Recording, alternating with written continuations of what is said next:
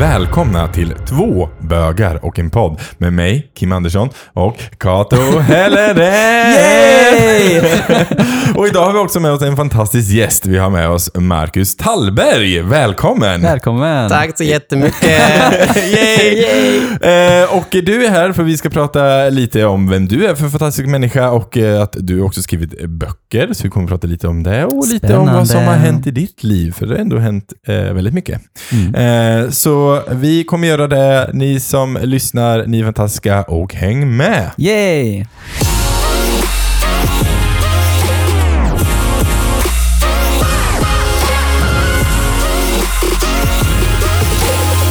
Ja, men då kör vi igång. Det tycker jag. Ja. Absolut. Vi kan väl börja med så här, Marcus, vem är du? Den jobbigaste frågan som finns. Jag vet bara så här, hur lång tid har vi liksom?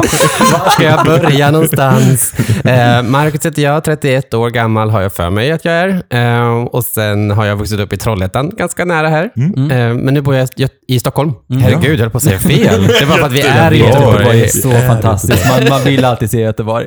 Ja, eh, jag har rest hela dagen idag så jag är ganska snurrig. Eh, men författare, entreprenör, föreläsare. Det sammanfattar väl allt tror jag. Oh, det- Det är ju bara en, en toppen av ett isberg om du är som person, tycker jag. Verkligen. Ja. Vilket jag tror det gäller för ganska många Ja, faktiskt. det, det är nog Ja. sant. Man, man är nog inte bara det man utger sig för att vara, man är nog mycket, mycket, mycket mer, tänker jag.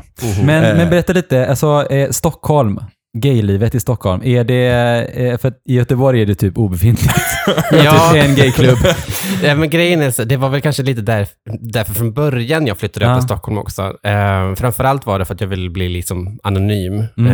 eh, och liksom smälta in i gänget. Eller liksom Ja, så. Men, eh, men också som du säger, det fanns inte så mycket på den tiden Nej. heller när jag Nej. växte upp här. Eh, det var ju typ Gretas och Park Ja, Lane. Den finns fortfarande Det kvar. är typ Ja. bara de kvar Ja, fortfarande. det är, det är bara de som fortfarande finns. Men Bibar väl? Jo, Ja, men det är, ju inte, det är mer, ja, mer det det, är- bar. eh, Ja, i och för sig. Jo, det är bra också. Det är jättebra. Jag men tog det är min så pappa här... dit.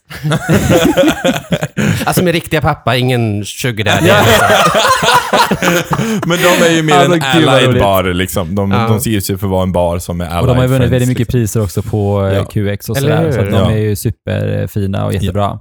Men jag minns, alltså, ehm, jag vet, ni får rätta mig om jag har fel, men jag, efter att jag hade flyttat till Stockholm och kom tillbaka till Göteborg Mm. och skulle gå på Gretas och visa mina friends liksom, att det här är mina gamla gayhoods, Ja. så kändes det inte så mycket gay längre. Nej, Nej. alltså, nej. Förlåt Gretas, men Gretas har blivit ett straight hawk. Ja, Det blev lite Ja. just att det var väldigt mycket straighta och eh, mycket, det var inte så mycket gayfolk. För att de slutade någonstans att gå dit för att eh, jag vet att, ja, vad jag har hört själv var att Gretas aldrig utvecklades utan det var samma sak hela tiden och vi bögar är väldigt hard to please, tror eller ej.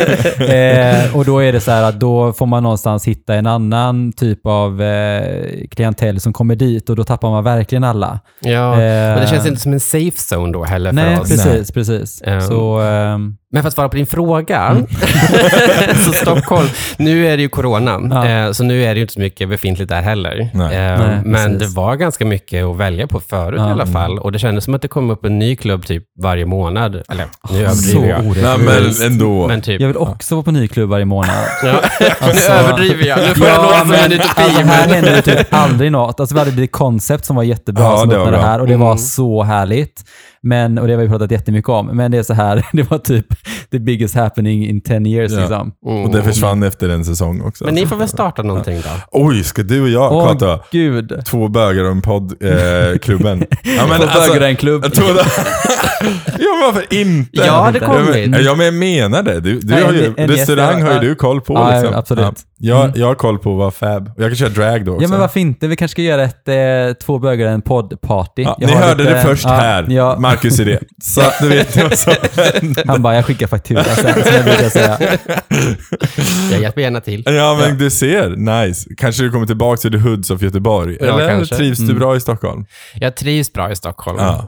Men det, alltså, Sverige har alltid känts lite för litet. Förlåt Sverige, Eh, men, men i, i Sverige så är Stockholm den största liksom, Ja. staden. Eh, men jag har ju så stora ambitioner, så jag vet ju inte riktigt var jag ska ta vägen. Men jag trivs jättebra i Stockholm. Mm. Det kommer bli liksom London och så blir det New York. Nej, jag har tänkt London. Jag har tänkt New York också. Jag älskar båda städerna. Jag bru- brukade åka till London, nu är det corona, eh, för musikaler. Jag älskar musikaler. Ah, Ehm, so good. Men jag vill inte bo där. Och jag vill inte bo i New York heller, utan i så fall så är det San Francisco faktiskt. Aha. Ja, älskar Det är sånt. ändå det Du har gay aldrig capital. rest dit liksom Kim. Du Nej, måste jag vet, jag resa. måste och nu kan resa. du inte göra det. Nej, Men det tänk, kan jag tänk inte. om du aldrig får resa och upptäcker de här ställena. Ja, det finns Så jag Google skrattar. Maps. Nej, jag skojar. Men, eh, Får kolla in gatorna där. Mm. Nej, men det är ju faktiskt någonting. Eh, San Francisco är ju lite drömmen ändå. Det är det och det är så mysigt där. Mm. Ja. Jag vill dit. Det är mycket, mycket backar, men det, det är Men det är trevliga Göteborg människor. också, tänker jag. Mm. jag tänker, det är typ same same. Eh, kanske lite mer i San Francisco, men ändå, men ändå rätt bra. Eh, men vad kul att du är här i alla fall. Mm. Eh, och som sagt var, som du nämnde, stora ambitioner. Mm. Du har ju onekligen lyckats väldigt bra so far. Mm. Du har ju eh, släppt flertal böcker. Ja. Och den, kanske den som är mest känd i alla fall inom HBTQ är ju Bögjävel. Ja. Berätta lite om eh, hur kommer det sig att eh, den eh, kom Den kom till. Eh, jo, det får tänka tillbaka då när jag var 16 år gammal. Eh, nej, det var, vet ni vem Hans Olsson är? Han skrev Mm. Spela roll, kom ut 93. Ja, just det. Ja, ni kanske är för unga. Ja. Eh, Tänk på att Kate typ... Jag är 40. Det är nästa år. Men tack. ja, ja, men då borde ni... Ja. Alltså, så här, det fanns inte så mycket litteratur på den tiden när jag växte upp. Ehm, och då hittade jag den här Spela roll. Mm. Eh, problemet var för mig att det var ett öppet slut. Och då tänkte jag att Ah. jag skulle kontakta författaren Hans eh, och skriva mitt eget slut och kolla, liksom, är det så här du har tänkt? Eh, och i samband med att jag hittade hans mailadress och skrev slutet till Mm. honom, eh, så hittade jag en tävling att man skulle skriva en samtidsroman, 300 A4-sidor och det var massa kriterier. Eh, men utgivningspriset var liksom jättestort. Okej. Eh, så jag bara, det här måste jag göra. Eh, men problemet var att det var tre månader kvar till deadline. Och man skriver liksom inte en bok på tre månader. Så jag ringde min bästa vän Emma Björk och så sa jag att du måste hjälpa till med det här. Eh, hon bara, ja, ja visst. Hon hakade på allt på den tiden. Ah, Gud vad skönt. Inte idag, hon har lärt sig, men på den tiden. på den tiden.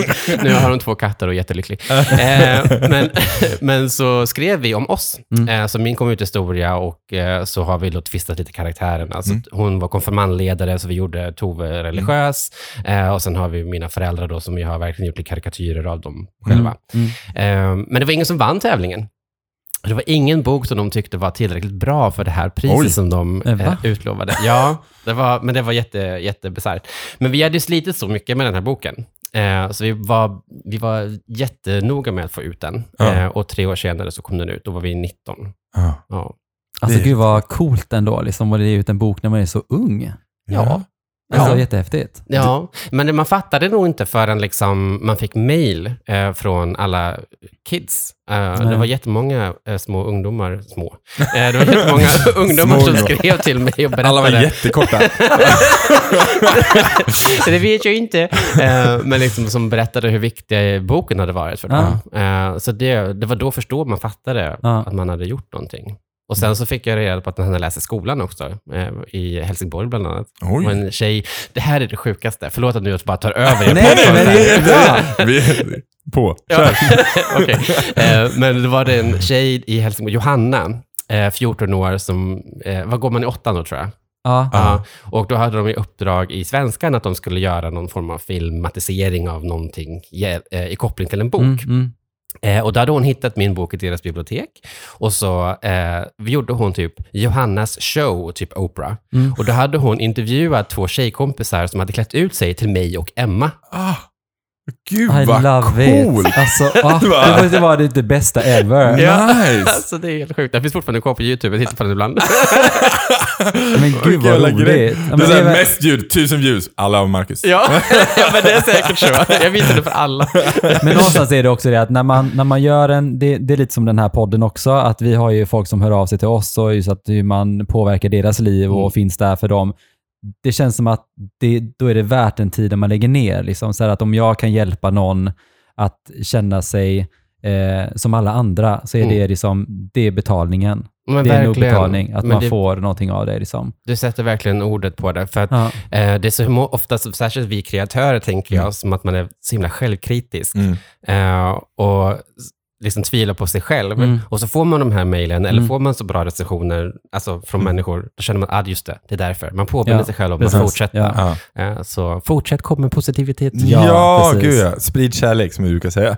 Det är Ja, men jag bra. får, eh, alltså igår till exempel när eh, programmet gick, ingen av er har sett det dock, eh, men det var ju premiära första dejten då. Nu kommer det här sändas lite senare, men då är det också så här att jag fick jättemycket meddelanden från jättemycket vänner och andra som bara så här, gud vad, vad, vilket fantastiskt program. Och det känns också så här skönt att man någonstans kopplar sig samman med någonting som är ett feelgood-program. Mm. Så att man inte gör det som så här Ex on the beach eller något. Ja. Herregud, det hade varit något. Tänk dig Ex on the beach, Kim. Det hade du tittat på. Men, men vad är det som motiverar dig att, att, att skriva då? Vad, vad kommer det sig att ja, men skriva vill jag göra? Liksom? Um, motiverar mig till att skriva, det är ju det som vi pratade om, Mm. det här med folk som hör av sig förstås, för det ger ju mig energi. Men jag har alltid skrivit ända sedan jag var liten Mm. och alltid kommit på historier, alltid blivit inspirerad av andras historier. Mm. Um, och sen har jag väl ganska stor, mycket fantasi, så jag tänker Mm. att jag vill liksom, Mm. eh, skriva dem. Men någonstans så vill jag också påverka folk.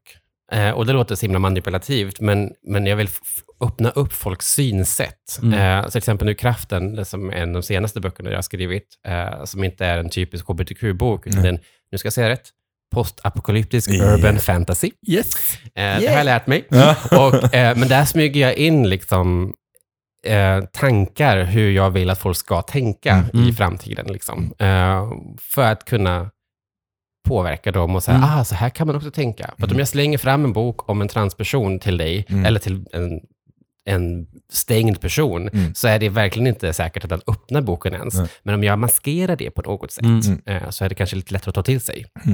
Men jag känner igen det där, för det brukar jag säga. Eh, jag har alltid velat kunna påverka folk med min röst. Mm. Eh, och det låter ju också väldigt manipulativt. Men jag har alltid gillat att typ hålla tal, sådana saker. Just det här för att med hjälp av rätt tonalitet och rätt ämne att prata om kan jag få personer som sitter framför mig att kanske göra en förändring i sitt liv. Mhm. Förhoppningsvis till förbättring, förbättring liksom. Påverka så det blir en bra grej. Eh, så. Men jag, men jag håller med grejen och det är, det är viktigt den här lilla Ja, det är en liten motivator för sig själv. Liksom. Ja. Och det är fint. Och jag, jag är inne på, nu ska jag väl ärligt säga, jag har faktiskt inte läst Kraften eller Drömfångaren men det, jag älskar ju postapokalyps. Det är liksom lite min grej, jag åker ju mycket på sådana live. Mhm. Så att det är faktiskt en av böckerna som står på min lista att läsa. Yay! Så det är lite Jag läser inga böcker. Nej. Klart och ärlig med det. Eh, jag, men jag har, aldrig, jag har läst typ Sune och typ Mio med Mio för att jag är tvingad i skolan och efter det så har jag inte läst böcker. Men jag, ljudböcker är fine. Ja, Det gillar jag. Bög är Jag vet, I know, jag tittar. Det är min checklista. Eh, jag säger till när jag har sett den och ni säger till när ni har kollat första dejten då. Ja. Nej, jag bara skojar. Ja, så bra. Eh, men jag eh, googlade runt lite eh, Mhm. innan du skulle komma. Jag brukar alltid göra det med våra gäster. Googla, googla, googla. Eh, jättekul. Eh, men, eh, och så kom det upp en artikel ganska så, det var det första som kom upp liksom, Mhm. ifrån Aftonbladet. Eh, från när du var ung. Berätta lite. Artikeln är inte från när jag var ung, men den handlar om en händelse när Mm. jag var ung. Ehm, du pratar om Svenska hjältartikeln, eller? Ja, precis. Det, som handlade om min våldtäkt. Mm. Eh, så när jag var 13 år, ska, ska jag dra Bara, hela den? Det är jätte, bara, jätte... bara, jätte, bara, bara snabbt in, rakt in på. ja. eh, nej men alltså som sagt, 13 år var jag och det är ganska länge sedan. Jag Mm. vet inte hur snabba ni var som lyssnar på matte. Även om jag är 31 nu så är det ju uh, 18 Ja, år sedan. sedan. Ja. Nej, 17, jag har ingen aning. Jo, 18 måste det ha varit. Det är jättelänge sedan. Ja, 18, precis. Ja, 18 år sedan. Shit. Herregud. Ja, det är inte min starka sida heller. Nej, inte min heller. Jag, jag dömer ingen. Nej, vad bra. Ehm, och liksom, jag visste ju vem jag var. Jag visste Mm. att jag gillade killar, men det var inte så att jag kunde prata med någon Mm. eller liksom fråga. Och liksom Grindr fanns inte och det är knappt, som, knappt att Cruiser fanns. Liksom. Nej. Ehm, och det fanns inte så mycket att hitta på nätet och man vågade inte gå till biblioteket och låna böcker. Men jag tänkte ändå att du var så himla modig ändå, liksom att du, alltså du var 13. Alltså jag Mm. hade aldrig vågat göra dem eh, som så här, alltså för du gick ju in på så här chattforum och sådana saker. Mm, Eh, men jag hade liksom aldrig vågat göra det heller. Hur tar man mod till sig som 13-åring, tänker jag? Och, Alltså jag vet inte, jag kanske är psykiskt sjuk för att jag har alltid haft det här modet Mm. eh, utan att tänka på konsekvenserna, ja, uppenbarligen. Eh, men jag har alltid bara kört. Mm. Så här, får jag för mig någonting så gör jag det. Mm. Eh, och jag ville verkligen prata med någon annan. Jag ville Mm. veta liksom, vem jag är. För Mm. Jag spelade handboll ja. eh, och även om det har blivit öppnare klimat nu så var det fortfarande väldigt tufft på den Mm. tiden. ja, verkligen. Eh, och även om mitt lag eh, var väldigt gulliga, de kunde sitta så här på kupper och typ krama, kramas med varandra, men jag, var, jag ville inte associeras med det, för jag ville inte att folk skulle tro Mm. att, jag hade den, att jag var bög, Nej, eller bisexuell som jag Nej. kom ut som. Eh, och eh, liksom jag bara, åh, måste ni hålla på så? Det är så äckliga, Mm. typ, och blev så här homofob istället. Ehm, så att jag kände så här, nej, jag behöver hitta någon som kan hjälpa mig gå igenom det här. Eh, för jag kan inte prata med mina föräldrar heller. Eh, och då hittade den här killen eh, som då hade en jättetrevlig profilbild och eh, såg ut som han var i typ 20-årsåldern, 25 Mm. år gammal, eh, som skrev till mig. Och Vilket, han- for, förlåt, men vilket forum var det här? det var på Cruiser, Okej, eh, mm. QX. Ja. Eh, och eh, han berättade att han var handbollsdomare för Mm. elitserien, som inte heter så längre. Jag kommer inte ens ihåg vad det heter. Handbollsligan tror jag det heter nu.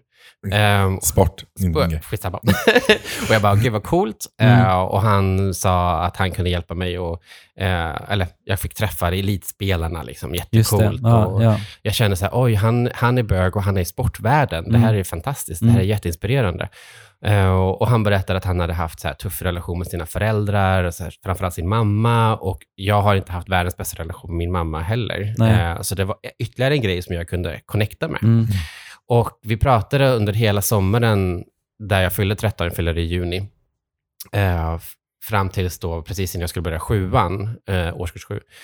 Och eh, t- han tjatade till att vi skulle ses typ Mm. hela tiden. Eh, vi gick över till MSN, kommer ni ihåg MSN? Mm. Ja.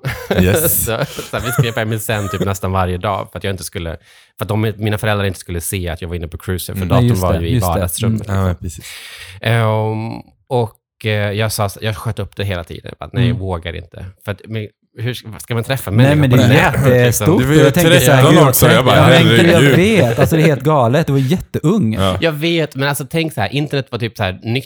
Ja. Eh, och man, man tänkte inte, man visste typ, du ska inte prata med främlingar. Ja. Men nu har vi ju känt varandra inom Jättelänge. citationstecken Ja. under en hel sommar, vilket är en evighet på den här tiden. Ja, man är 13 Eh, och sen ska man också komma ihåg att de här personerna, eh, de groomar ju Ja. Ja. Grooming, de manipulerar ju sig Ja. in i, Mm. vilket jag absolut inte tänkte. Nej. Nej, för Eh, det, det, fanns, det fanns ju då, men inte liksom... Det fanns inget begrepp på det. Nej, Nej. precis. Ehm, men så var det en fredag då som min familj skulle åka ut till kusten och jag sa att jag ville vara kvar hemma. Mm. Och så sa jag att ja, men de ska åka ut, så du kan ju komma förbi då. Eh, för att jag kände att jag kan inte vara i stan. Trollhättan är ganska litet Ja, fortfarande. Eh, och det är alltid någon man träffar på. Mm. Eh, så hur skulle jag förklara det här? Vem är det här? Ingen känner Nej. honom. Liksom. Nej. Så att jag tänkte, ja, men du får komma hem så säger jag det liksom säkert, det är safe hemma hos mig. Ehm, men det var jag ju inte. Nej. Utan han, han fick ju mig in i sovrummet och där hände det. Liksom. Och sen så gick han därifrån ehm, och lämnade mig kvar, jätteförvirrad. Och jag minns inte, jag tror att jag blackat out, för jag Ja. kommer verkligen inte ihåg. Jag har gått eh, KBT eh, för att Mm. komma ihåg liksom, och bearbeta detta, men det är en period den dagen som jag absolut inte kommer ihåg. Ja. Eh, utan det sen, efter den här händelsen så är det att jag sitter framför datorn igen, min familj har kommit tillbaka hem och eh, han skriver till mig på MSN att jag absolut inte får berätta det här för någon, för då kommer han berätta för alla att jag är bög. Så Ja. han, hade, han radade upp mina föräldrars telefonnummer, min tränares telefonnummer, Mm. deras mobilnummer, jobbnummer, allting. Eh, och samma sak där, modet. Mm. jag kommer och bara, men jag har redan berättat. Eh, och, han, och då blockar han mig och sen så hör, hör jag inte Jag tycker det var så himla modigt. Alltså jag sa det till min eh, tjejkompis eh, innan jag skulle gå hit och eh, berättade lite. Och jag sa jag tyckte det var så himla modigt att du ändå så, här, bara, men jag har redan berättat. Alltså så himla liksom häftigt. Alltså inte Ja. häftigt, men just det här att man, för, för det kan ju också, jag, jag har personer i min omgivning som har blivit våldtagna och varit med om jätte, som, som känner någon form av skam och inte vill berätta, som har gått jättemånga år utan att berätta för någon liksom, och Mm. hållit inom sig. Eh, men hur, eh, hur, hur tog du modet till dig? Liksom? Att eh, berätta Att, för honom. berätta, liksom. hur, hur sa du? Eller liksom vad... Till honom att jag hade Nej, jag tänker till din... Till, till för familj. du- ja, men det, din- var väldigt, det tog väldigt lång tid också. Det, Mm. gjorde, det var inte det första jag berättade och Nej. jag höll det för mig själv väldigt länge. Mm. Ehm, jag, alltså, pappa, för att SvD gjorde faktiskt en artikel för några år sedan om Mm. detta. eh, för att de hade, det var under metoo-grejen. Just det. Och eh, då berättade jag för min pappa för första gången. Okej, Eh, mm. och jag var så här, du, det kom ut en artikel i SvD eh, om den här händelsen och innan du läste den så kan jag berätta historier liksom först. Eh, så. men annars så vet jag inte om jag hade berättat. Nej. Ehm, men jag berättade för mina bästa vänner åtminstone, men alla, alla var så här, blev typ grät och blev jätteledsna och jag var totalt jättekall. Mm. Eh, för det var, som du säger, som dina vänner upplevde skam. Alltså, Mm. Jag ville inte bli ett offer, jag ville inte Nej. vara skam. Utan bara så här, nej men det har hänt mig, jag är fine, jag är, jag är stark, jag bry mig inte om det här, du vet, Mm. den här masken. Mm. Eh, och sen så Mm. går man och bär på den i så många år. Mm. Det var inte förrän jag gick KBT som jag började lära mig att sex och kärlek kan kopplas ihop också. Eh, för under så lång tid så hade jag sex bara för att man var tvungen. Jag visste, jag hade ingen relation, eller bra relation till Nej. sex, eh, förrän jag gick KBT. Och det var 2013, 14 Mm. Eh, så det är väldigt, väldigt, väldigt länge sen. Hur tog du modet liksom till att liksom träffa någon annan sen efter det? Liksom? Eh, Nej, men jag hade ju, jag, jag hade ju sex, eh, sen jag var 14 har jag Mm. haft sex. Eh, och jag har haft pojkvänner och relationer. Eh, men jag har bara liksom lagt den här våldtäkten i en liten, liten låda och liksom gömt den. Och sen Mm. har jag inte pratat eller tänkt på den, Nej. men den har hela tiden funnits i närheten i varenda relation. Mm. Ehm, och sen så träffade jag en, en kille ehm, och vi började, och när jag pratade med KBT-personen, vad heter det, psykolog? KBT-personen. Eh, så det var först då som jag bara, aha, det är därför jag har de här issues. Eh, för jag trodde, och jag trodde att det var på grund av någonting annat, men Mm. vi gick tillbaka liksom till, Ja. till våldtäkten och det var ju det som var källan till det mesta. Eh, faktiskt. För jag Men- känner också, eh, förlåt. Ja, nej, men för du, för jag, jag sett, du, du håller ju ibland föreläsningar om, eh, om eh, mental hälsa och hela den biten. Liksom. Och, vad, vad känner du, varför valde du liksom att, att göra det? Kände du att så här, men folk behöver höra eller kände du så här, men det här är mitt sätt att processa? Eller, vad, Jag tror, alltså det viktigaste varför jag pratar om det Mm. är för att folk inte ska känna sig ensamma. Ehm, för att det här tyvärr händer mer än vad man tror Mm. och även i förhållanden. Mm. Ehm, det här med, med vad heter det, consent på svenska, Ja. sam, Mm. samtycke, Samtycke. är Samtycke, ja, jätteviktigt. ja. Ehm, vilket man glömmer bort att man tänker att det existerar inte. Men sen också för att eh, upp, jag vet det, ehm, få uppmärksamma eh, detta ämnet. Mm. Eh, för den här personen som utsatte mig, våldtog mig, eh, han har ju även utsatt andra Mm. för samma situation. Just Men det. för dem så har han haft en annan persona. Så på Cruiser som han var medlem på, Mm. eller som vi, all, vi hade kontakt, då hade han pratat med de andra och då var det en helt annan historia han hade. ja, Eh, så han, och det var ju för att Cruiser så hade man på den tiden möjlighet att skriva dagbok. ja, Eh, och där berättade jag om att jag spelade handboll och Ja. liksom allt. han plockar upp Så han liksom. plockade upp Just det, allting. just det. Så också var, var liksom noga med vad du berättar på nätet. Ja. Ja, för om vi kollar på chattforum liksom och sånt. Har du så här, vad, några konkreta tips kanske på hur, hur, vad ska man tänka på när man sitter ute och chattar med folk? Liksom? Vad, vad tänker du? Var källkritisk som med allt annat. Ja. Alltså så här, det låter jättecyniskt. Men, men, men du kanske inte ska skicka nakenbilder till dig till en person som du inte känner. Mm. Eh, nu är ju det som man gör, har jag fått för mig. Alltså jag får nakenbilder på Instagram, får du det också? Ja, Ja, jag med. yes. Eh, och, jag, och jag blir så här, men... Jag tycker det är jättetrevligt.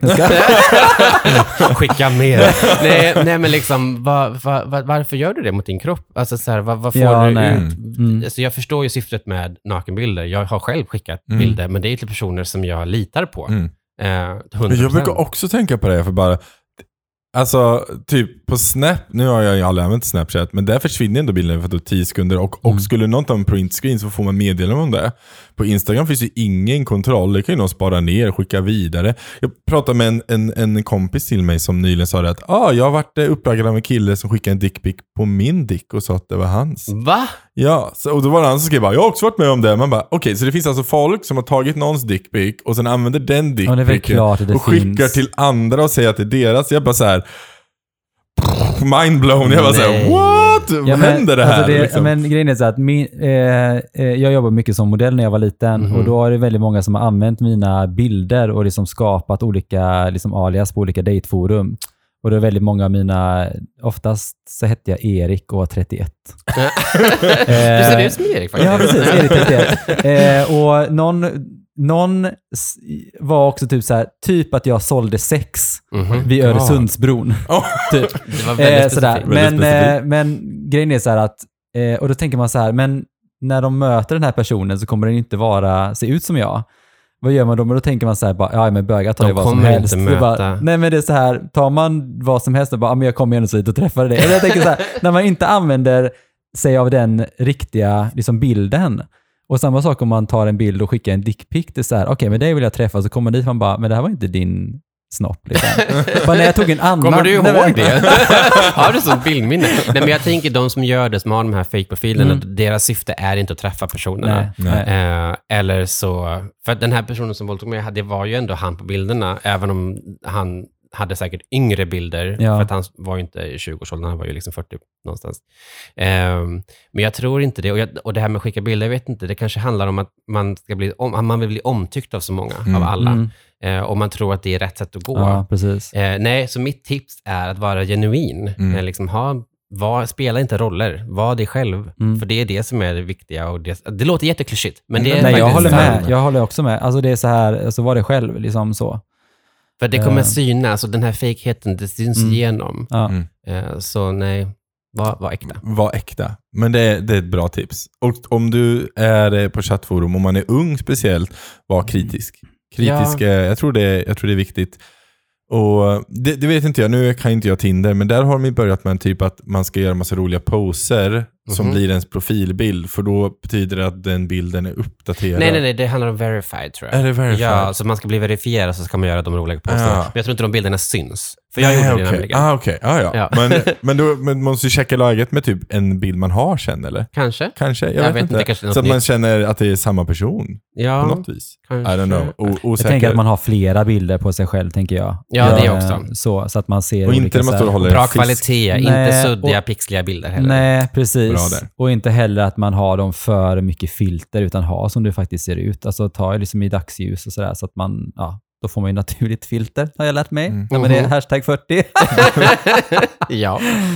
Men Eh. jag, vill, jag återkopplar lite till det vi pratade om. Det är ett väldigt tungt ämne. Mm. Eh, och eh, de, eller, om du som lyssnar här, om man kanske har varit eh, med om något liknande. Vi har ju också haft med vi har ju pratat med en eh, sjuksköterska eh, Mm. i Joffen eh, som är specialistsjuksköterska inom psykiatri och jobbar med hbtq som tema. Liksom. Och han har ju gett tips på, på, på vart man kan vända sig. så. Men Mm. vad skulle du säga är, alltså hur, hur ska du ta dig från din inre bubbla till att våga ta kontakt? Skulle du, har du någon sån här, så gjorde jag för att börja. Men det där är så svårt, för att det är så unikt. Alltså Ja. alla fall är liksom unika. Ehm, och jag, jag vet hur svårt det är. Mm. För jag hade också väldigt mycket skuldkänslor, eh, för det var mitt eget fel. Jag hade ju tagit in honom i mitt hem. Det var jag som lät det här. Jag får skylla mig själv.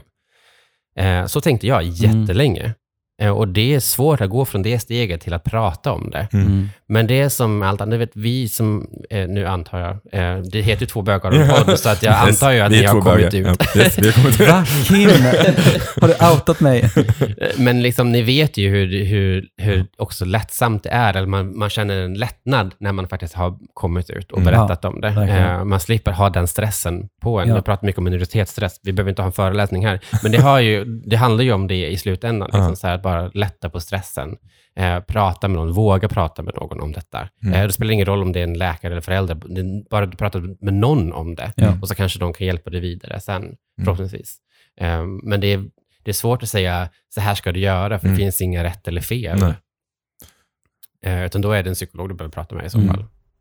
Därför vi har ju eh, personer som hör av sig till oss. Mm. Eh, eh, och då är det några som är unga, som kanske har eh, ja, men väldigt religiösa föräldrar och sådär och inte vågar komma ut. Eh, och det blir så här, någonstans så eh, blir man någon, alltså så här, jag bryr mig verkligen om de här personerna för jag vet hur svårt det kan vara liksom att ta steget och komma ut och så här att man eh, tänker så här, men gud pappa eller mamma kommer inte acceptera mig, mina vänner kommer inte acceptera dig. Eh, och nu hade en av de här killarna då har tagit modet till sig och faktiskt gå ut och gå på en dejt. Ja. Och då tänker man så här, ah, gud, jag hoppas verkligen så här så mycket för det att det ska bli bra. För jag vill Mm. liksom någonstans att, menar, att livet är liksom, kan vara fantastiskt och jag hoppas verkligen det för dig. Liksom. Och så dyker han inte upp. Nej. Ah, han blir ghostad och jag blir så här, det blir, det blir typ som att eh, ja, men man, alltså man känner någon form av ansvar, liksom så här, liksom att, eh, att ja, men, eh, kämpa, gör det, våga vara det själv, ta små steg i taget och så händer det här. Liksom. Det är klart Mm. att det händer, det händer ju alla. Men någonstans blir man så här, "Men vad fan.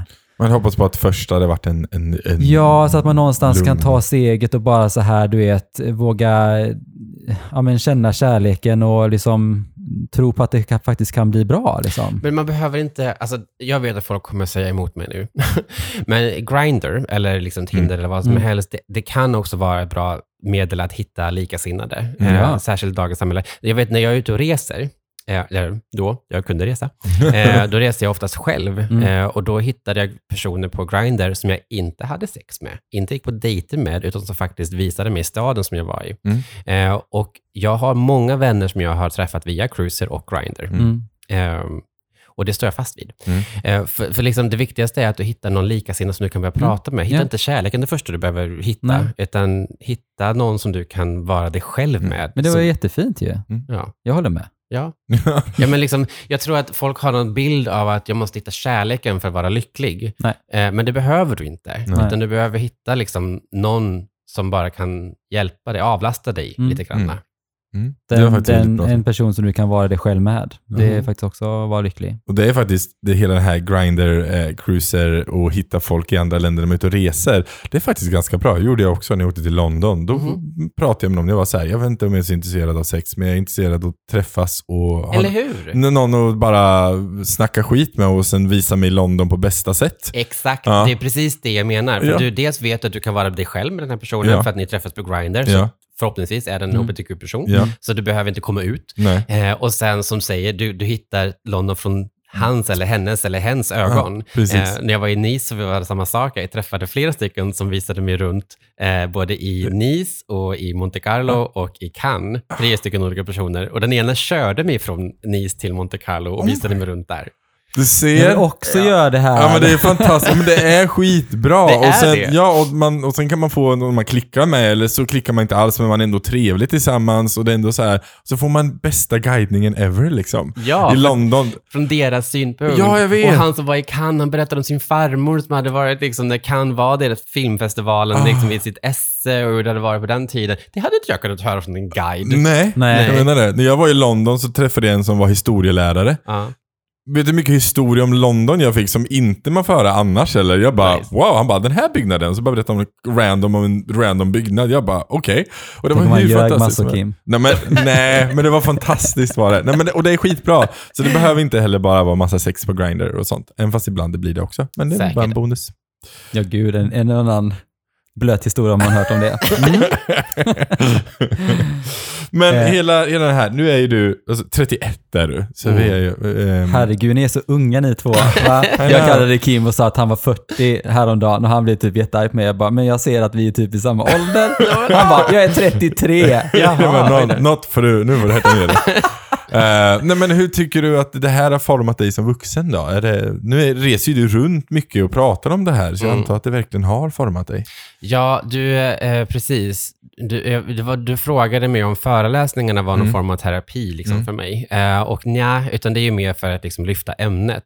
Mm. Eh, skrivandet har mer varit en terapi. Eh, min andra bok, Splittrade glas, den skrev jag ju för att jag skulle bearbeta de här ämnena, så den är ganska mörk. Mm. Ehm, men jag känner att jag är liksom, jag har, man, på ett sätt så blir man aldrig färdig att bearbeta de här händelserna, men jag känner mig ändå hyfsat klar. Mm. Eh, jag, jag ältar inte längre och jag låter inte definiera vem jag är, utan det är mer att ehm, prata om det. Förlåt, Mm. jag glömde bort din fråga. Nej, ja men om, vad, om det har påverkat hur du är som vuxen. eh, Right. Så, ja. Ja, absolut. Det har definitivt påverkat hur jag är. Eh, det kan jag lugnt säga. Mm. Eh, sen om det är medvetet eller omedvetet, det vet jag inte, men det är klart att all, de här sakerna har satt spår. Mm. Eh, det har definitivt påverkat liksom hur, hur jag har sett på sex.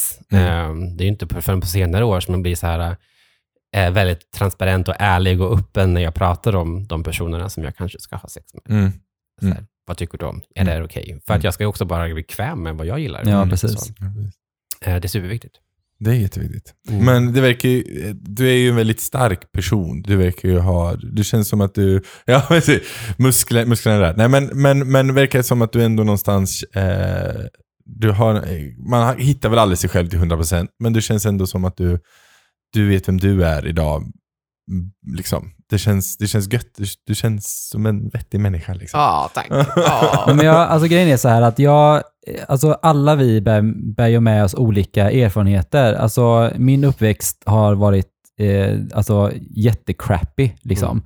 Och jag har alltid tänkt så här att ja, men min uppväxt har gjort mig jättestark, att jag har fått erfarenhet av det och det har inte påverkat mig alls, utan jag vet vad jag vill ha. Liksom. Eh, och det är ju inte sen, för, som på, ja men nu, jag pr- jag pratade med min, alltså min bästa tjejkompis, hon hatar när jag säger bästa tjejkompis, för hon säger du är min bästa vän, inte bästa tjejkompis. så min bästa vän då eh, pratade så här bara, men nu, nu när jag liksom är snart 40, nu har jag hittat vem jag är. Liksom. Varför kunde jag inte göra det när jag var 30? Eh, hon bara, men det är jättebra att du har hittat dig själv nu, alltså när du är 40 och inte 50 eller 60. ja, finns det någon Eh, deadline på att hitta sig Nej, själv? nej, jag vet, men någonstans är det så här att, eh, ja, men till exempel så här med att eh, komma ut och vara uppe med vem man är. Ibland så känns det som att eh, man formar så mycket av sin uppväxt, att hur man ska vara. Det här vi pratade tidigare idag om ett avsnitt om det här om att hålla handen till exempel. Mhm. Att det är så någonstans att, men vågar jag hålla handen? Eh, kommer eh, jag bli nedslagen om jag håller min, min man i handen? Liksom? Och någonstans är det så här, men att man äger vem man är och liksom någonstans skiter i vad folk tycker. Mm. Alltså någonstans nu har jag hittat mig själv att jag äger vem jag är. Eh, det gjorde jag kanske inte när jag var 30. Nej. Eh, och samma till exempel det här att växa upp liksom med saker som har påverkat den. Jag gick också i KBT. För jag, när jag träffade Niklas, ungefär kanske en fyra år in, så var det så här att någonstans så pratade vi och han bara, men det här borde nu gå att prata om. Liksom. Och då kände jag att, men, nej, men varför då? Det är väl ingenting sånt där. Men när jag pratade med min KBT då, så pratade mycket om det här med att visa känslor och hur eh, man ska hitta sig själv och så. Så jag kan verkligen rekommendera att man, man gör det. För att man, det är skönt att ha någon att prata med som kan det forma är en. jätteskönt att ha någon att prata med, framförallt någon som måste lyssna på dig. Ja, Eh, nej, men alltså det, det är det bästa som finns. bara lyssna på mig nu för Ja. nu betalar jag dig.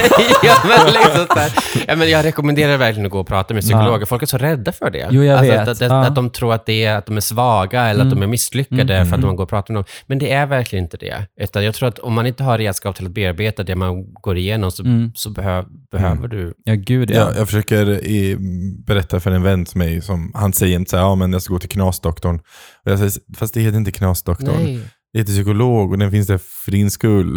Eh, men det har ju han någonstans ställt sig in på att han är knasig så han behöver gå till en knasdoktor. Liksom. Okej. Och jag bara så här, fast nej du är inte knasig utan du är fullt normal. Men säger han det som att det är negativt om sig själv eller säger Ja. han knas som att ja, men det är ett roligt ro? Nej, liksom? utan negativt Ja, liksom. nej, som att det är så här, nej, så bara, nej fast nu är det, den här, den finns för att hjälpa dig Ja. liksom. Ehm, och jag tror att det är viktigt, jag menar, många har haft trasiga bakgrunder Mm. och min bakgrund har varit tuff också. Och jag vet, jag kommer ihåg man sa det så här, men det har gjort mig starkare, men desto äldre jag blir, desto mer bara så här, Nej, det har inte gjort mig starkare, det har gjort mig ödmjukare. Det är där Mm. det handlar om. Jag är ödmjukare till livet, jag förstår vad folk kan gå igenom. Liksom. Det tror jag är det viktiga, alltså eh, att du, du förstår mer. Jag tror att vi som Ja. har gått igenom saker, vi är starka på ett visst sätt. Ja. Så det, det tänker jag att man ska säga, äh, säga att man inte är. Men att vi har st- större förståelse för mycket Ja. mer, att vi, är Ja. mer vi, vi, vi förstår lite mer. Det låter kanske arrogant att säga så, Mm. men jag tror att det är lättare för oss att se andras, alltså gå i andras skor. Ja, precis. Eh, Ja. Och sen så tror jag också att vi har, alla har olika startsträckor. Mm. Eh, så att om du har hittat dig själv när du är 40 så är det väl jättefantastiskt. Ja, ja, gud, jag är Eh. jätteglad att du gjorde det nu.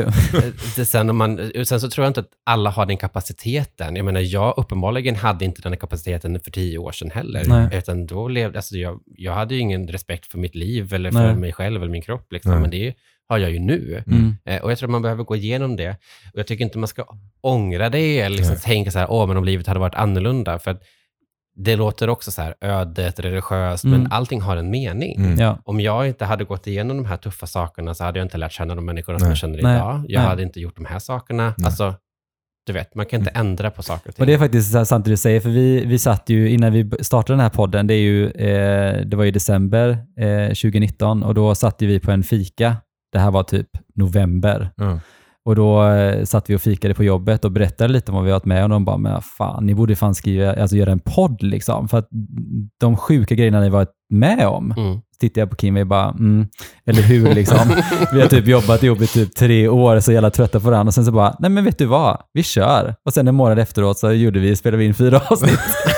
Bra! Ja, men menar det. Eh, och eh, det är verkligen skitbra. Mm. Det här är också någon form av terapi, liksom, att trä, liksom prata och liksom, eh, någonstans öppna sig själv och liksom, ja, men blotta sig själv på något sätt. Mhm. Att berätta för andra om sin egen erfarenhet. Men också säga det som, som du själv säger, det här med att våga, eller att, att, att visa för andra att man inte är själv Precis, i tankarna och ja. funderingarna. För jag tror att det är väldigt många som känner just den. Och jag, menar, jag har träffat folk som kontaktat mig på Instagram nu och varit så gud jag trodde jag var den enda. Man bara nej, Nej, nej, nej, det är du är du inte. Och det, och det låter så här, och det är inte så här för att man inte ska vara, eh, vad är det man säger, Svensson, eh, att man inte ska få tro att man är någon, utan, utan det handlar mer om att säga att men du är inte ensam, utan vi är fler och vi finns här för varandra. Liksom. Och det är verkligen så. Jag menar, det, det behöv, det, visst, vi har Stockholm, Göteborg, stora städer, men vi finns överallt. Mm. Eh, och det är därför det är så viktigt det ni gör. Mm. Eh, och det jag gör också Mm. med ett halvbrottsförlag, det är att vi behöver ha förebilder, vi behöver prata om det, vi behöver slå igenom den här eh, mainstream-marknaden med heteroförhållanden och heterofigurer och visa att vi finns och vi är inte ensamma. Det, det är inte, handlar inte om att ta någons plats, utan det är bara att visa för andra att det finns andra som ni. Mm. Eh, och det, jag tänkte också på, jag, vet ni, ni vet vem Christer Björkman är? va? Ja. Jajamän, ja.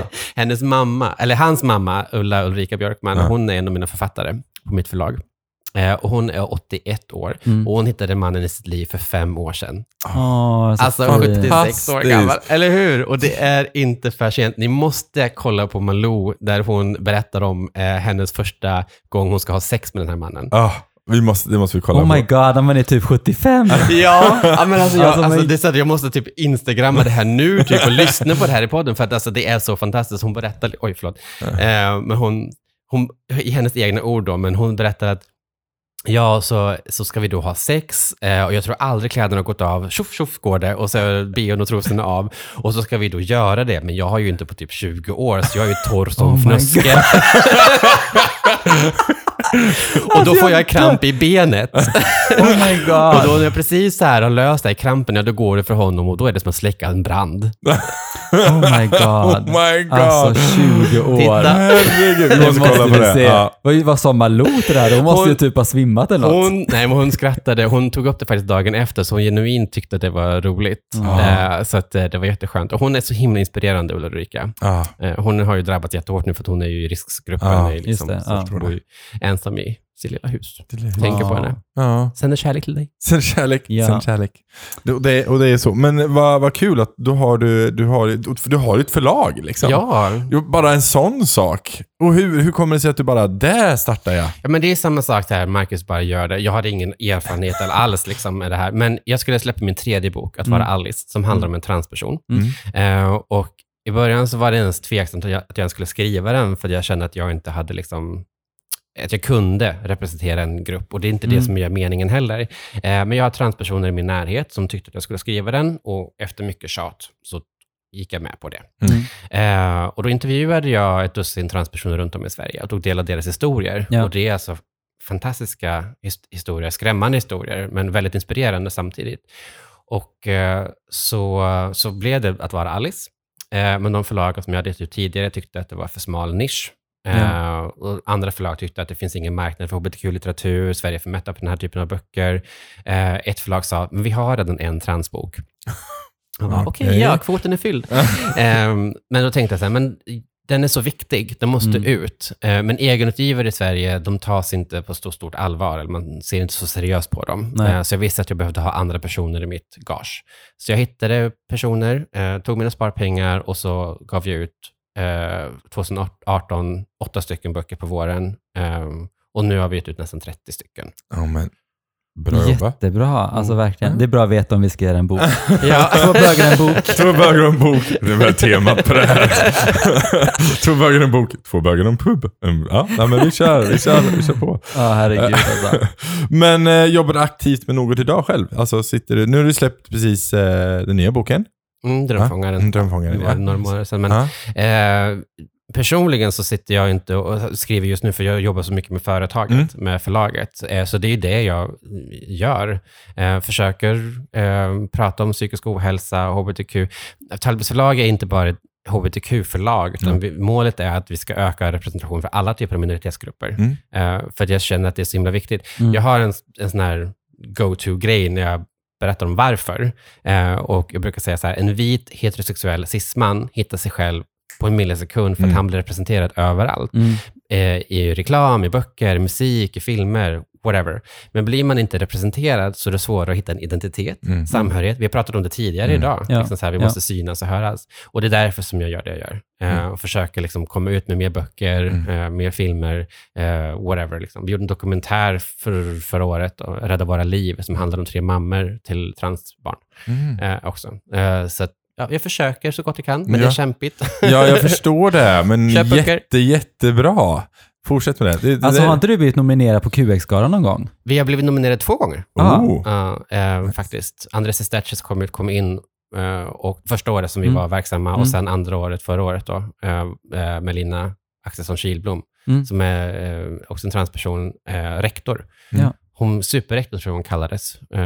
Jag för mig att jag såg det där. Ja, Mm. precis. Kul! Mm. Grattis! Så nu hoppas borde- vi på ytterligare nomineringar. Ja, verkligen. Ja, vi med. ja, vi- Bara, hallå, nominera oss liksom. jag vill gå på gala och vinna pris. Ja, ja, precis. Det är det viktigaste. Det är Man får gå viktiga. på galan, man behöver inte vinna bara- priset, men vara bara- Du vill nominerad gå på röd matta, bra. det är det du vill göra Kato. Ja, Men, ja, men det är faktiskt kul att gå på röda mattan. Jag gick ju på, vi fick gå på Kristallengalan när vi var för säsong ett av eh, Första dejten blev nominerad till Kristallen. Alltså, jag var så starstruck. Jag gick runt och bara, men alltså Victoria Silvstedt, alltså hon är så jävla snygg. Jag bara, så här, nu ska du gå på röda mattan och så bara tittar jag bredvid så står hon där. Jag bara, oh my god, jag svimmar liksom. Men Så- de är också människor. Ja, det är de. Eh, när jag jobbade på. Pride, eh, för Stockholm Pride, så intervjuade jag eh, ganska många år. Mm. Eh, de tre senaste åren som jag var aktiv så var jag videoreporter, så det finns också på, på YouTube. Mm. Eh, men så att jag har intervjuat, alltså, jag vet inte hur, hur många kändisar som helst, och jag, det, är bara, det är bara vanliga människor. Jo, jag vet, men det är så här, hon är ju så typ så här kändisarnas kändis, känner jag. Alltså så här, jag, jag tänkte så här, men svenska kändisar är så här skitsamma. Men jag tänker Victoria Silvstedt, är om hon är på en gala, då är det fan en gala, känner jag. Jag, fick, eh, jag var den enda som intervjuade Carola faktiskt. Kommer, kommer du ihåg när hon var på Pride Mm. eh, och Mm. sjöng? Och Mm. alla var så, alla visste, ingen visste om det och alla var så här, "Åh, hur ska hon vi reagera och så vidare. Eh, jag, jag fick berätta, eh, han, hon var ju gäst för Rickard Engfors. Mm. Eh, så jag visste det om det ganska tidigt. Så jag bara, så, Rickard, du har en hemlig gäst. Skulle jag kunna få... Han bara, vem har, vem har skvallrat? Bara, Kom här. du är med. jag, jag avslöjar inte min källa, eh, men tack så mycket. Och, eh, så vi gick in på en toalett och bara diskuterade liksom, hur vi skulle lägga upp det. Så Mm. han sa att okej, men ska hon ställa upp en intervju så är det med Pride, liksom, så du Mm. får henne. Liksom. Ja. Och det var en jättelyckad intervju. Eh, och hon var så himla hög på kärlek. Eh, klipp inte så att det låter som att hon är hög på någonting annat. Hon var så himla hög. Hon var så jävla hög. Eh. Men så, här, så att, eh, jag står och väntar backstage för att hon ska komma ner från scenen, eh, där folk brukar gå upp och ner på scenen. Men hon kommer ner från rampen där man kör upp utrustning och det är en jävla lång ramp där hon med klackar liksom och den svajar. Och hon, jag bara, vill du ha hjälp? Så jag hjälper henne ner. Hon bara, det är du som ska intervjua mig va? Ja. Men, men först ska vi ta kort. Kort, kort, kort, kort, kort. Och så liksom tar hon kort med sina kompisar. Och sen så kommer hon eh, till mig och så ger hon mig hennes telefon. Hon bara, jag försöker lägga upp bilderna på bloggen här, men det går inte. Jag bara, "Ja, men den där symbolen betyder att du har täckning och det här betyder att det laddar, så att det går nog bra. Okej, här har du. Se till att de kommer upp på bloggen. Kort, kort, kort, kort, kort. Så jag står där med Carolas telefon i min hand. Oh my god. ja, så här, Du bara jag- bildarkivet. Ja, ja, men jag funderade typ, jag ska skicka ett sms till mig själv, men jag vågar inte. Där, där svek modet mig. Eh, men sen efter intervjun, eh, jag brukar alltid lägga ner mikrofonen, nu ni kan inte göra det för de här ställningarna, men jag brukar alltid lägga till, på bordet så att symbolisera nu är det Nu är det slut. slut. Då tar hon upp den och börjar sjunga In the name of love. Alltså så Det är fantastiskt. så Carola på något vis. Ja, och sen så bara så här, ja men det dunkar lite väl mycket här ute, för då är det ju show på scenen, liksom, vi står precis Mm, bakom scenen. Hon bara, vi kör igen, och nu är du med. Och så pekar hon på mig, så jag har en duett med Carola inspelad. Oh my god, så kul. Bara, det spelar ingen roll vad gör, jag har en duett med Carola. Ja, det är amazing. Oh my ja, men hon, var så, god. hon var så mysig. Det är bara, det är du, Sara Larsson. Bara, mm. Ja, herregud. Ja, men det är ju Ah, jag vill också ha intervju med Carola. Jag vill också ha det. hon kanske kan vara med i Två bögar en podd. Ja, Ja. Med Carola. Ja. Vi frågar. Gud, jag hade fått så många lyssningar. Alla bara Carola, älskar Carola. Eh, men eh, för jag, nu känner jag att jag bryter den här roliga, härliga, fluffiga rosa och bara går ner i mörkret igen. nej, men, nej, men jag har någonstans eh, det här året känt att det har liksom så här med, så här med hatbrott och att det har känts lite mer otryggt. Liksom. Mm. Eh, så jag har kollat lite med statistik från Brå, sådana här brottoffer och sådär. Eh, och hbtq-brott ökar i Sverige från 2016 då uppåt, så ökar det ganska kraftigt. Och det tror de beror på liksom med eh, att det har varit val då, eh, under det då. Att det är därför så mycket som har ökat. Men generellt sett så, så, så blir det liksom, alltså någonstans att det känns att världen går åt fel håll. Mm. Till exempel när man tittar på Polen, eh, kollar liksom på många som Serbien, sådär. Men hur, hur känner du spontant liksom med hatbrott? Har du utsatts för hatbrott och så innan? Eh, ja, faktiskt. Eh, två gånger eh, nu de senaste åren. Men det här med statistik, nu är inte jag någon som expert, Mm. eh, men man ska ta den lite grann med en nypa salt. Ja, jag Eh, för jag Mm. vet, alltså jag tror också att mer och mer vågar anmäla. Mm. Ehm, ne- Första, första året som jag blev utsatt, det var precis när jag startade förlaget och vi gick ut när vi skulle göra den här dokumentären om eh, transbarnen. Då fick jag hem ett, eh, ett dödshot eh, på posten. Mm. Eh, där stod att de skulle döda mig och mina hundar och då visste jag var jag bodde och allt vad det nu var. Men gud. ja. och, det var, och det var framförallt det här med transbarnen som var no, äh, droppen. Jag kommer inte ihåg vad det står exakt. Nej. Liksom, så. Ehm, och det var mitt, personer som jag, muslimer och så var det någon till grupp som de nämnde, eh, liksom, som var fel, fel på samhället. Um, när jag anmälde det, ingenting skedde. Eh, för det, alltså, det brevet som jag fick hem, det var eh, fasttejpat, adressen var utskriven och tejpad på. Och, och det värsta, eller lustiga var att det var bara en kronors frimärken över hela eh, kuvertet. Typ, eh, det var jättebisarrt. Eh, men jag fattade inte det, för jag var så inne i, liksom, jag var så stressad med företaget och det var, Mm. bokmässan var på gång. Och det, så jag tänkte inte på det förrän liksom efteråt. Eh, men sen så var jag på en dejt nu i våras, måste det ha varit, eller var det i Mm. höstas? Oktober kanske det var. Gud, jag minns inte. Eh, jo, men i höstas var det. I höstas var det. Mm. Och eh, då hade, det var, det var en söndag. Eh, och så hade jag då haft den här dejten. Vi var, hade druckit lite bubbel, var lite mysiga och vi hade väl klickat. Eh, inte sex bara. Jag är en, en fin dam. Eh, men jag skulle i alla fall gå till bussen med den här personen och liksom säga hej då. Eh, och vi var väl lite intima. Vi pussades kanske lite grann och kramades lite grann och så. Så skulle jag gå ifrån bussen och då var det två killar som kom efter och skrek typ bögjävel och bög, du vet, Mm. sådana, saker. Och jag försökte ignorera och så gick jag vidare och så kom de ikapp och så knuffade de mig och så knuffade jag tillbaka och så fick jag ett slag i ansiktet. Eh, och så stod jag och skyddade mig. Jag gick boxning förut, Mm. eh, så jag visste att jag skulle stå och skydda mig. Eh, och sen så fick jag in en träff, så jag slog tillbaka. Mm. Eh, och då blev de så chockade och sprang iväg. Och jag ringer inte polisen, utan jag ringer min kompis bara, det här har hänt. Och de bara, varför ringer du mig? liksom, jag bara, här, ja men vad ska jag göra då? Ja men du har blivit slagen, ring polisen. Mm. Jag bara, okej. Eh, så jag ringer polisen och de är väldigt snälla.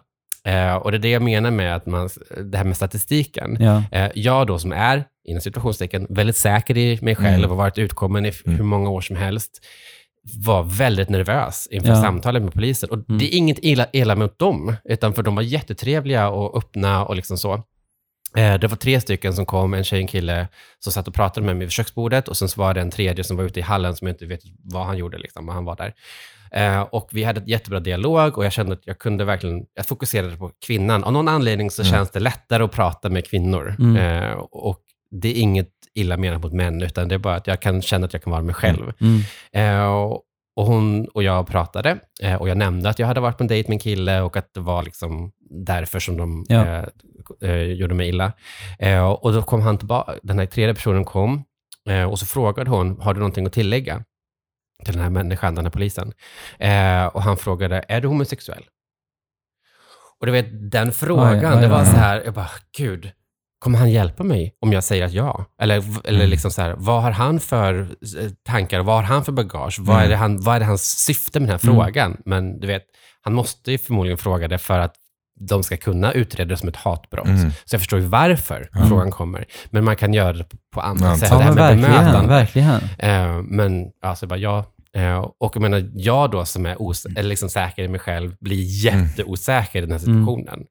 Så att eh, det där med statistik, ta det med en nypa salt. Jag tror Ja. att fler och fler vågar anmäla brotten också. Mm. Eh, Men jag tror också, där- för det vet jag att du pratade med dem, för du ringde ju och pratade med dem. Ja. Du sa ju de också det, att det har blivit en ökning på att folk vågar. Och även att de har splittat det lite på det, så att det är skillnad på transbrott och alltså så, här, så att det är lite... Verkligen. Så att de har- Polisen har gått utbildningar nu Ja. så att man kan skilja till exempel när det är transbrott eller när det är hbtq, alltså Precis. när det är så. Eh, så att man ska kunna som, ehm, ja, skilja på dem. Mm. Eh, men det är också mycket brott, eh, eftersom det har varit då val så är det mycket brott på till exempel prideflaggor Mm. och eh, på lokaler och sånt. Som Mm. har, så är det inte mycket så här person brott då, som har varit att man har liksom slått någon eller så. Nej, som har precis. ökat, utan det är, Nej, men exakt. Hatbrott kan ju vara väldigt mycket. Ja. Det är också väldigt brett. Mm. Det behöver inte alltid vara slagsmål som du säger. Eh, men jag är ingen expert. Jag kan inte säga varför det beror på det sättet. Nej. Men det, är också, det kan ju vara väldigt ignorant att säga att du ska, inte, att du ska vara säker och du ska vara lugn. För Mm. det, det är ju så. Vi kan ju inte vara det. Mm. Jag skannar ju av miljöerna om jag ska. Mm. eh, liksom, hålla någon i handen eller Mm. pussa på någon eller krama någon. För att jag vet vad är det för folk runt omkring. Eh, vad finns det för människor här? Ja. Är det ett bra område? mm, Eh, och det är ju så. Den här lilla intima gesten som ska vara mellan mig och min partner blir helt plötsligt en offentlig an- handling. ja, Eh, och är det då eh, en intim gest eller är det någonting politiskt? Varför Mm. håller jag i handen? Ja. Alltså, du vet, mm, så att ja, vi behöver jobba oss åt ett... Att, ja men håll. också att våga också. Alltså så här att, att, att vi som hbtq-folk, att vi vågar visa. Men det är som du säger, man skannar ju områdena. Jag, att, automatiskt, om jag går och håller eh, min sambo i handen och jag ser att där framme kommer jag möta fem personer, då släpper vi. Mm. Alltså aldrig att vi håller när vi går förbi dem. Liksom. Och det är så Nej. tråkigt. Det är Ja, det är jättetråkigt. tråkigt. Men, Vi pratade om det i ett tidigare avsnitt, att det är så här att, att hålla hand och eh, just det här att om man är straight Mm. ehm, så tror jag nog aldrig att man har tänkt tanken att om jag håller handen nu så kommer vi bli nedslagna. Men Nej. det är ju så här, det tänker jag, jag tänker jätteofta på det. Eh, jag är inte så rädd för mig själv, men jag är rädd för, för till exempel min man Niklas då, att någonting ska hända honom. Mm. Eh, att se liksom han far illa. Mhm. Det känns så här att någonstans att jag kan någonstans skydda mig själv. Liksom sådär. Men om jag inte kan skydda min, min man eller min, min vän eller vad som helst, om någon skulle bli utsatt för någonting, det hade varit jobbigare tror jag. Mm. Ehm, Ja, jag måste berätta, det här är ju, och det var aldrig något hatbrott, men jag trodde det skulle bli det. Jag sitter på en busshållplats, jag har precis varit på dejt också. Eh, och det kommer en förbi en kille. Eh, han hade med två andra polare, rockarkillar liksom. Så här, långt hår, nitar, läder, hela grejen. Och de hade slängt flaskor på typ spårvagnen och sådär, när de åkte förbi. Och sådär. Jag bara så okej. Och sen så vart han själv, han satt sig bredvid mig och det sitter jag typ eh, och är lite nervös. Och bara, vad är det som händer? Eh, och så sitter han på mig och så säger han bara så här. Är du en bög? Och jag bara, du vet man sitter där, man bara, vad fan ska jag säga nu liksom? Mm. Så här. Jag bara, ja jo det är jag. Han bara, fan vad gött. Alltså det är ju alltid tänkt så här att om mer bögar, desto mer brudar till mig. Och jag bara, Okej. okej. Eh, skön snubbe. Jag bara, yay, kul, tack. Min buss kommer nu, hejdå. Han bara, ha en fin kväll. Jag bara, okej. Det här kunde gått åt ett helt annat håll än vad jag absolut tänkte liksom. Men, eh, Men jag tror att äh, också det här med att man ska sluta vara ursäktande. ja. Och det är kanske också svårt, för det är svårt att vara sig själv. Men jag tror att om man gör sig tillgänglig som ett offer så utsätter man sig Mm. mer för fara också. Ja. Jag tänkte på det nu när vi pratade, för att eh, jag kom ut väldigt tidigt. Eh, när jag var 14 år kom jag ut. Mm. Eh, och sen så när jag började på gymnasiet i Trollhättan så gjorde Tela, lokaltidningen där, en artikel om mig, dubbelt uppslag om att våga ta steget, eh, som handlar om min kommunhistoria. Mm. Eh, och efter det så var det liksom, jag kunde inte gå tillbaka in i garderoben. Liksom, Nej. utan alla visste vem jag var. Men jag tror att alltså, det var ingen som vågade säga någonting till mig. För att utåt sett så var jag den här starka personen. Det var Mm. ingen som kunde göra någonting. Ni kunde inte nå mig. Jag visste Nej. vem jag var. Liksom. Om ni rör mig så rör jag dig. Liksom. Mm. Mm. Och det är så tråkigt att man behöver vara det, istället för bara vara sig själv. Du vet, att vara ungdom framför Mm. allt, istället för att ha Ja. de här äh, etiketterna som man faktiskt sätter på sig själv. Inte bara att man är bög, utan man ska också vara stark, och Ja. man ska vara en förebild, man Mm. ska vara, du vet, alla de här Mm. grejerna. Utan man behöver bara vara ungdom också. Mm. Mm. Men ehm, gör det inte liten, gör det stor. Mm. Mm. Ja, Det var ju bra. den är bra. Ja, jättebra. Vi gör oss stora. Mm. Mm. Men eh, eh, du skriver ingen bok nu. Jag, ska, ja, jag skriver på uppföljaren till, eller tre, tredje delen. Mm. Men faktiskt är det så att jag sitter och jobbar med de engelska titlarna just nu. Okej. Eh, Så äh, bögjävel. Mm. Just nu så har den arbetstitel faggot. det, är, Mm. men, arm- det fungerar, bögjävel fungerar ändå lite grann på svenska, Aha. men på den engelska marknaden så är det väldigt för mycket kraftfullt. Okej. Ja, faggot känns ju som Ja. att ja, men det är... Är det? Ja, men, Ja. ja. Men det är ju- lite mening. Men jag tänker också att det har varit väldigt kraftfullt i Sverige. Men jag tycker att bögarna i Sverige varit duktiga på att börja ta tillbaka Exakt, det och det är väldigt det tidigt. bögjävel handlar om. Ja, jag Eh, menar det. Så att, eh, så vi, men vi har inte satt den riktigt än. Eh, men det, var, det finns en bok som heter Faggots också, som, så att, som är en kult, alltså, Mm. klassificerad. Så att, vi vet inte. Men Being Alice, att vara Alice eh, och Share Glass kommer ut på engelska. Och nu Kraften på engelska kommer Ja, snart. Så nice. jag Kul. sitter faktiskt med dem och Ja. jobbar med dem just nu. Mm. Gud vad roligt. Ja. Hur, ja, nu, nu ska jag bara en snabb, men processen där, du, du sitter, det är inte du som översätter, utan Nej. du, nej, Nej, nej. nej. Jag har hittat en jättebra. Ah, fantastiskt. Jag bara Ja, Google. Translate. Google. Det var, gud, nej, jag gör inte Alltså, det. Jag lägger in allting i Google. Translate, sen är det bara print. nej.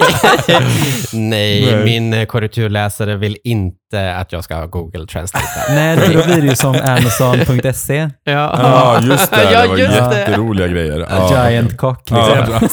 jag. Stor kuk. Inte. Så himla roligt. Ja, jag tycker sånt är lite kul. Då. Ja. Men, eh, eh, men slutligen då. Mm. Eh, vad skulle du ge för tips till eh, om man är i en eh, relation som inte är så här bra, om man utsätts för våld och sånt? Vad skulle du ge för tips? Liksom? Alltså det där är svårt Mm. att ta sig ur. eh, för att du är ju, du är ju rädd. Alltså jag vet inte, jag kan inte säga, det är också väldigt unikt. Liksom så här, men, men när jag var i en sån relation, då var det så här, okej, men om jag lämnar den här personen, då kommer jag vara ensam. Jag kommer ha, alltså hur ska jag klara mig då? Mm. Eh, och jag känner mig också som att det är ett misslyckande, för jag skulle kunna göra bättre ifrån mig. Ehm, men nej, utan för det första prata med någon annan Mm. och sen ta stegen därifrån. Mm. Därför att du ska inte utsättas för det här. Eh, och du, du förtjänar inte det och du förtjänar bättre. Mm. Eh, och det är svårt och det låter kallt när jag säger så, men det är det enda rätta. Mm. Du ska inte utsätta dig själv för våld, oavsett Nej. om det är fysiskt eller eh, mentalt. Mm. Eh, men det är svårt Mm. pra- och liksom Jättebra. e- och erkänna Mm. det också. Mm. Eh, det är svårt. Jättebra. Mm. Vet du vad Kato? Säg det, säg det, säg det. Det är dags för Det är tre, snabba. Det var så kul, att ni, för ni hörde ju av er så, så bara, de här tre snabba, kan man utveckla dem? Jag bara, ja, absolut. jag bara, de tre snabba är ju inom situationstecken, de är alltid långa. De är alltid nu har till och med Kim börjat Ja, eh, flyta ut lite. Lite grann. Mhm. Men, men kon- grundkonceptet är att man ger två påståenden, kan det vara, i det här fallet är det så. Jag tror det var en gång. Ja, det eller det, och så ska man säga vilken det är då, om man tycker bara. Och sen Yes. är det inget mer. Det behöver inte vara någon bakgrundsstory bakom det heller egentligen. Men ofta så brukar alltid Kato sväva ut. Så att eh, det är okej. skyller på varandra. Ja, precis. Bara, Välkommen in till vår podd! Eh, we just blame each other for everything. Eh, nej men vi kör tre snabba. Mm. Ska du köra? Ska jag köra? Kör du. Kör, kör. Okej då. Jag börjar, jag, vi börjar med dig Kato då. Mm. Eh, boken eller filmen? Filmen. Ja, för du, läs, Alltid. du läser alltså jag inte. älskar att se eh, film. Det är Ja. så mysigt. Så mysigt. Men jag har ingen fantasi. Så det är det som är grejen. Att det är därför inte jag läser böcker. Jag kan inte bygga upp en fantasi. Jag vill ha redan så här. Okej, om, om eh, mannen som spelar filmen liksom, eh, ser ut på det sättet så vill jag liksom inte föreställa mig hur han ser ut själv. Utan jag vill så här bara lyssna på handlingen och känna kemin emellan. Liksom så där. Fast om det är en bra skriven bok så får ju du den här. Jag vet, men som sagt, jag har läst Mio Mio och Sune liksom. Så, eh, nej, jag har faktiskt läst Hobbit också. Jag hade lä- högläsning för Niklas när vi åkte i USA. Aha. Eftersom jag aldrig har läst böcker så är jag inte jättebra på att läsa.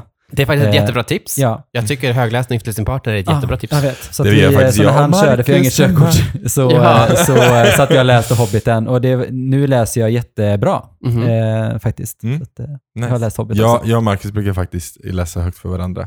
Din sambo Marcus. Ja, precis. Min sambo Marcus, ja. Inte du och jag. Men det kanske vi också ska göra någon gång. Eh, nej, men, eh, men han vill alltid ha massa roliga röster på alla karaktärer och det är jättejobbigt för han... Va?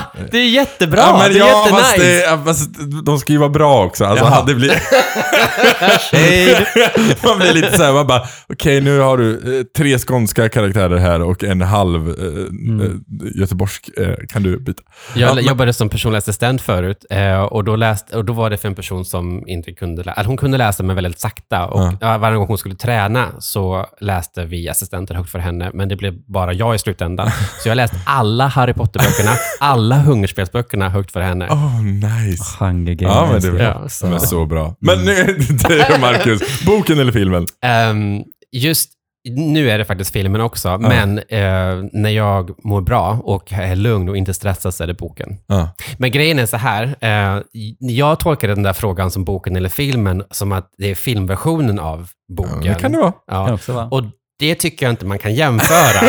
därför att det är två helt olika medier. Ja, det är det Eh. Alltså så här, ah, men filmen det är så himla dålig tolkad av eh, boken. Man bara, ja men det är precis det det är. Det är en tolkning Ja, av boken. Och sen en bok, du har tid, du har 400 sidor att kunna berätta en historia. Ja. Men på filmen så har du 90 minuter typ. Ja, precis. Så att, Jag har eh, aldrig varit med om det. Nu ska. Nej, ja men så är det. Jag, jag är ju, det säger sig också det här, film just nu, men egentligen är jag, älskar jag ju böcker alltså. Jag, jag är ju åt andra hållet. Jag Jag har ju, aldrig sett dig läsa en bok. Nej, men jag har ju inte tid. Jag, har ju, jag skriver mina egna stories istället. Mycket sånt. Vi har inte liksom. känt varandra i fem år. Ja, jag vet det. Eh, nej, men jag är sån som har för mycket fantasi, så jag tycker om och eh, jag blir nästan irriterad. Speciellt om det är så, filmen och boken. Om de gör en filmatisering och så har jag läst boken och bara, fast nu har du tolkat den här personens utseende helt fel än vad jag tänker i mitt huvud. Ja. Så det är jättejobbigt liksom. Ja, men det är en, det är en detaljgrej. Jag vet. Men ja. om det är så här, om det är en handlingsgrej, så att ja, Ja. men du kan inte förklara allting Nej, i en film. nej, du och måste klippa bort. Ja, Ja. det är förståeligt. Men det är därför man gör tv-serier istället. Ja, Ja. tv-serier är faktiskt att föredra just Ja. nu. Det är det. Då blir det lite mer, du har någon tid att eh, brodera ut allting. Det tycker Mhm. jag. Okej, kör vi nästa. Nu, tar vi, nu får Marcus börja. Sommar eller vinter? Sommar. Sommar. Det behövs ingen förklaring. det, det är bara helt, det är 100% sommar. Sommar. Du vill sitta på en takterrass och dricka bubbel? ja! Ja. Gud, ja. ja. Kato? Eh, jag säger också sommar, men jag älskar mörker. Ah. Så gärna varmt och mörkt. Ja, så typ franska rivieran.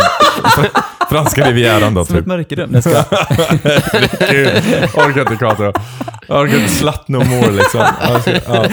Det var Eh. Eh, jag tar nog vintern, men jag älskar vinter. Jag älskar kyla och jag älskar snö. Vilket är lite irriterande med Så Göteborg. konstigt att du bor i Göteborg. Ja, liksom. jag vet, för det är aldrig någon snö Det bara, här. Åh, det snöar. Man så bara, snow no more. Det snöade 95 tror jag. Ja, Ja, typ. Ja. yes. Oh my god, I know. Det är typ det enda folk pratar om, typ Göteborg. Jag bara, snö 95. Man bara, ja. Då bodde jag inte här. Då bodde jag i Kolmårdsskogen. Ja. Ja. Jag minns faktiskt den. Det var meterhöga. Ja. Ja, ja, du ser. Ja, nej, men vinter, jag vet inte. Så jag funderar på det. Om jag ska flytta så blir det uppåt landet. Det kommer hända. Eh, sista, nu kör jag börjar då. Hemmamys eller eh, party? Jag säger hemmamys alla dagar i veckan. Jag är inte en partyprinsessa. Min dragkaraktär är nog mer det. Mm. Byra, hon gillar att gå ut och festa. Men jag är, som en tredje person, men hon är typ sin egen person. Men det är ju en Eh, karaktär. Ja, hon är en karaktär liksom. Men jag, jag, gillar och, jag gillar verkligen att sitta hemma. Eh, det bästa som jag vet är typ ligga i soffan, se på en serie när eh, min sambo ligger bredvid. Han sitter och spelar på Nintendo Switchet och ser på serien tillsammans med oss. Jag tycker det är typ det finaste som finns. Jag blir jätteglad. Mhm. Yes, yes. Marcus, Eh, hemmamys också. Mm. Sen vet jag inte vad du menar med party egentligen, men liksom så här, jag föredrar att sitta på typ Mälarpaviljongen som är en av mina favoritställen Mm. i Stockholm, eh, på sommaren med bubbel och mina vänner. Mm. Liksom. Eh, men absolut hemmamys, för jag har sånt stressigt liv. Jag behöver liksom bara ta det lugnt Ja. hemma. Och det har jag fått lära mig nu det Mm. senaste, så här, stänga av på kvällen framför allt eh, och bara ta det lugnt och andas. Mm. Mm. Så definitivt. Men nu har vi inga andra val än att vara Nej, hemma och precis. mysa. I know, I know. Kato? Jag säger hemmamys. Ja. Jag går bara på the A-list parties. Typ such a diva! Jag orkar inte. Nej, men, Victoria's eh, alltså. Ja, men, Victoria's grejen är så här att när man kommer upp i min ålder så blir man så jävla bakfull. Alltså man är bakis typ två veckor. Så att, eh, se, så att det är så här, man får verkligen välja ut typ att nu ska vi gå ut och festa. Jag har tagit Eh, semester i två veckor efter dagen, så att nu Men ska det gå. alltså, för jag och Niklas hade ju, eh, vi firade ju 11 år nu, eh, eh, ja, förra året blir det nu då. Eh, och då var det så här att, alltså vi var ju typ bakis en vecka efteråt. När vi Mm. gick hem så var det så här bara, Niklas, det är typ ljust ute. Det är ett ångesten typ och sova typ till klockan tre, fyra. Skönt. Ah, jo, jo, jätteskönt. Men jag tänker mer så här äh, ångest att vara bakfull. Mm. Så, äh, mm, Hemmamys. Ja, med men bubbel. verkligen. mm. I ditt fall. Ja, gud Ja. ja, jättefint. Nej, men ett hemmamys, men alltså eh, också ha middagar och Ja. typ sådana saker hemma med sina Ja, vänner. gud, ja. liksom små Jättemysigt. Brädspelskvällar i mitt fall. Älskar Ja. brädspel, spelkvällar. Mm, Det är typ så Quiz mysigt. och Quiz. eh, risk. Vi har Sagan om ringen-risk. Oh. Oh my god, Det. älskar Sagan om ringen. Ja. Och risk är också bra. Gud, det vill jag också Bra ha. kombination. Jag älskar med andra ord. Ja, ja, Ja, det är så allting bra. med ord du gör. Alltså, så alla de spelen. Älskar dem. Det är bra tips till alla er som lyssnar här nu. Alltså, Ja. Vad man kan ha som spelkväll. Jag, till och Ja. med, kom, jag till och med gjorde ett eget eh, spel, kortspel, eh, som jag gjorde Kickstarter-grej för Åh, och det gick igenom, så jag, det går att köpa någonstans.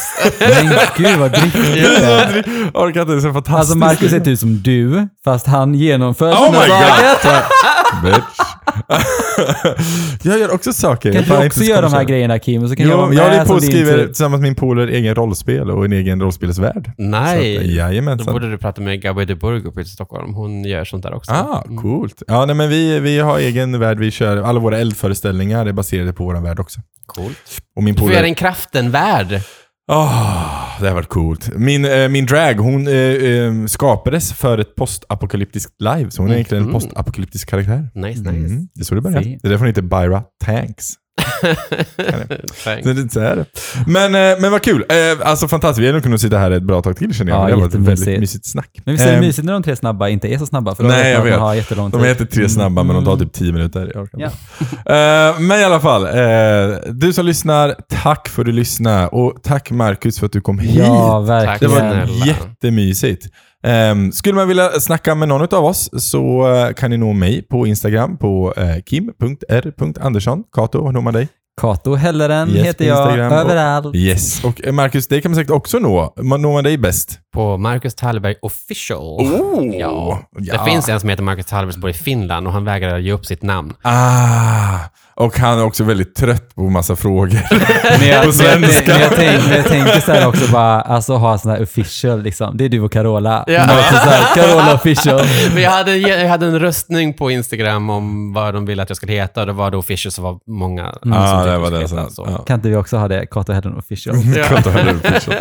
Herregud, det finns bara en Kato. Ja, jag vet. Mm, nej, Kato var Sweden. nej, ja, men nej, på, i Sverige.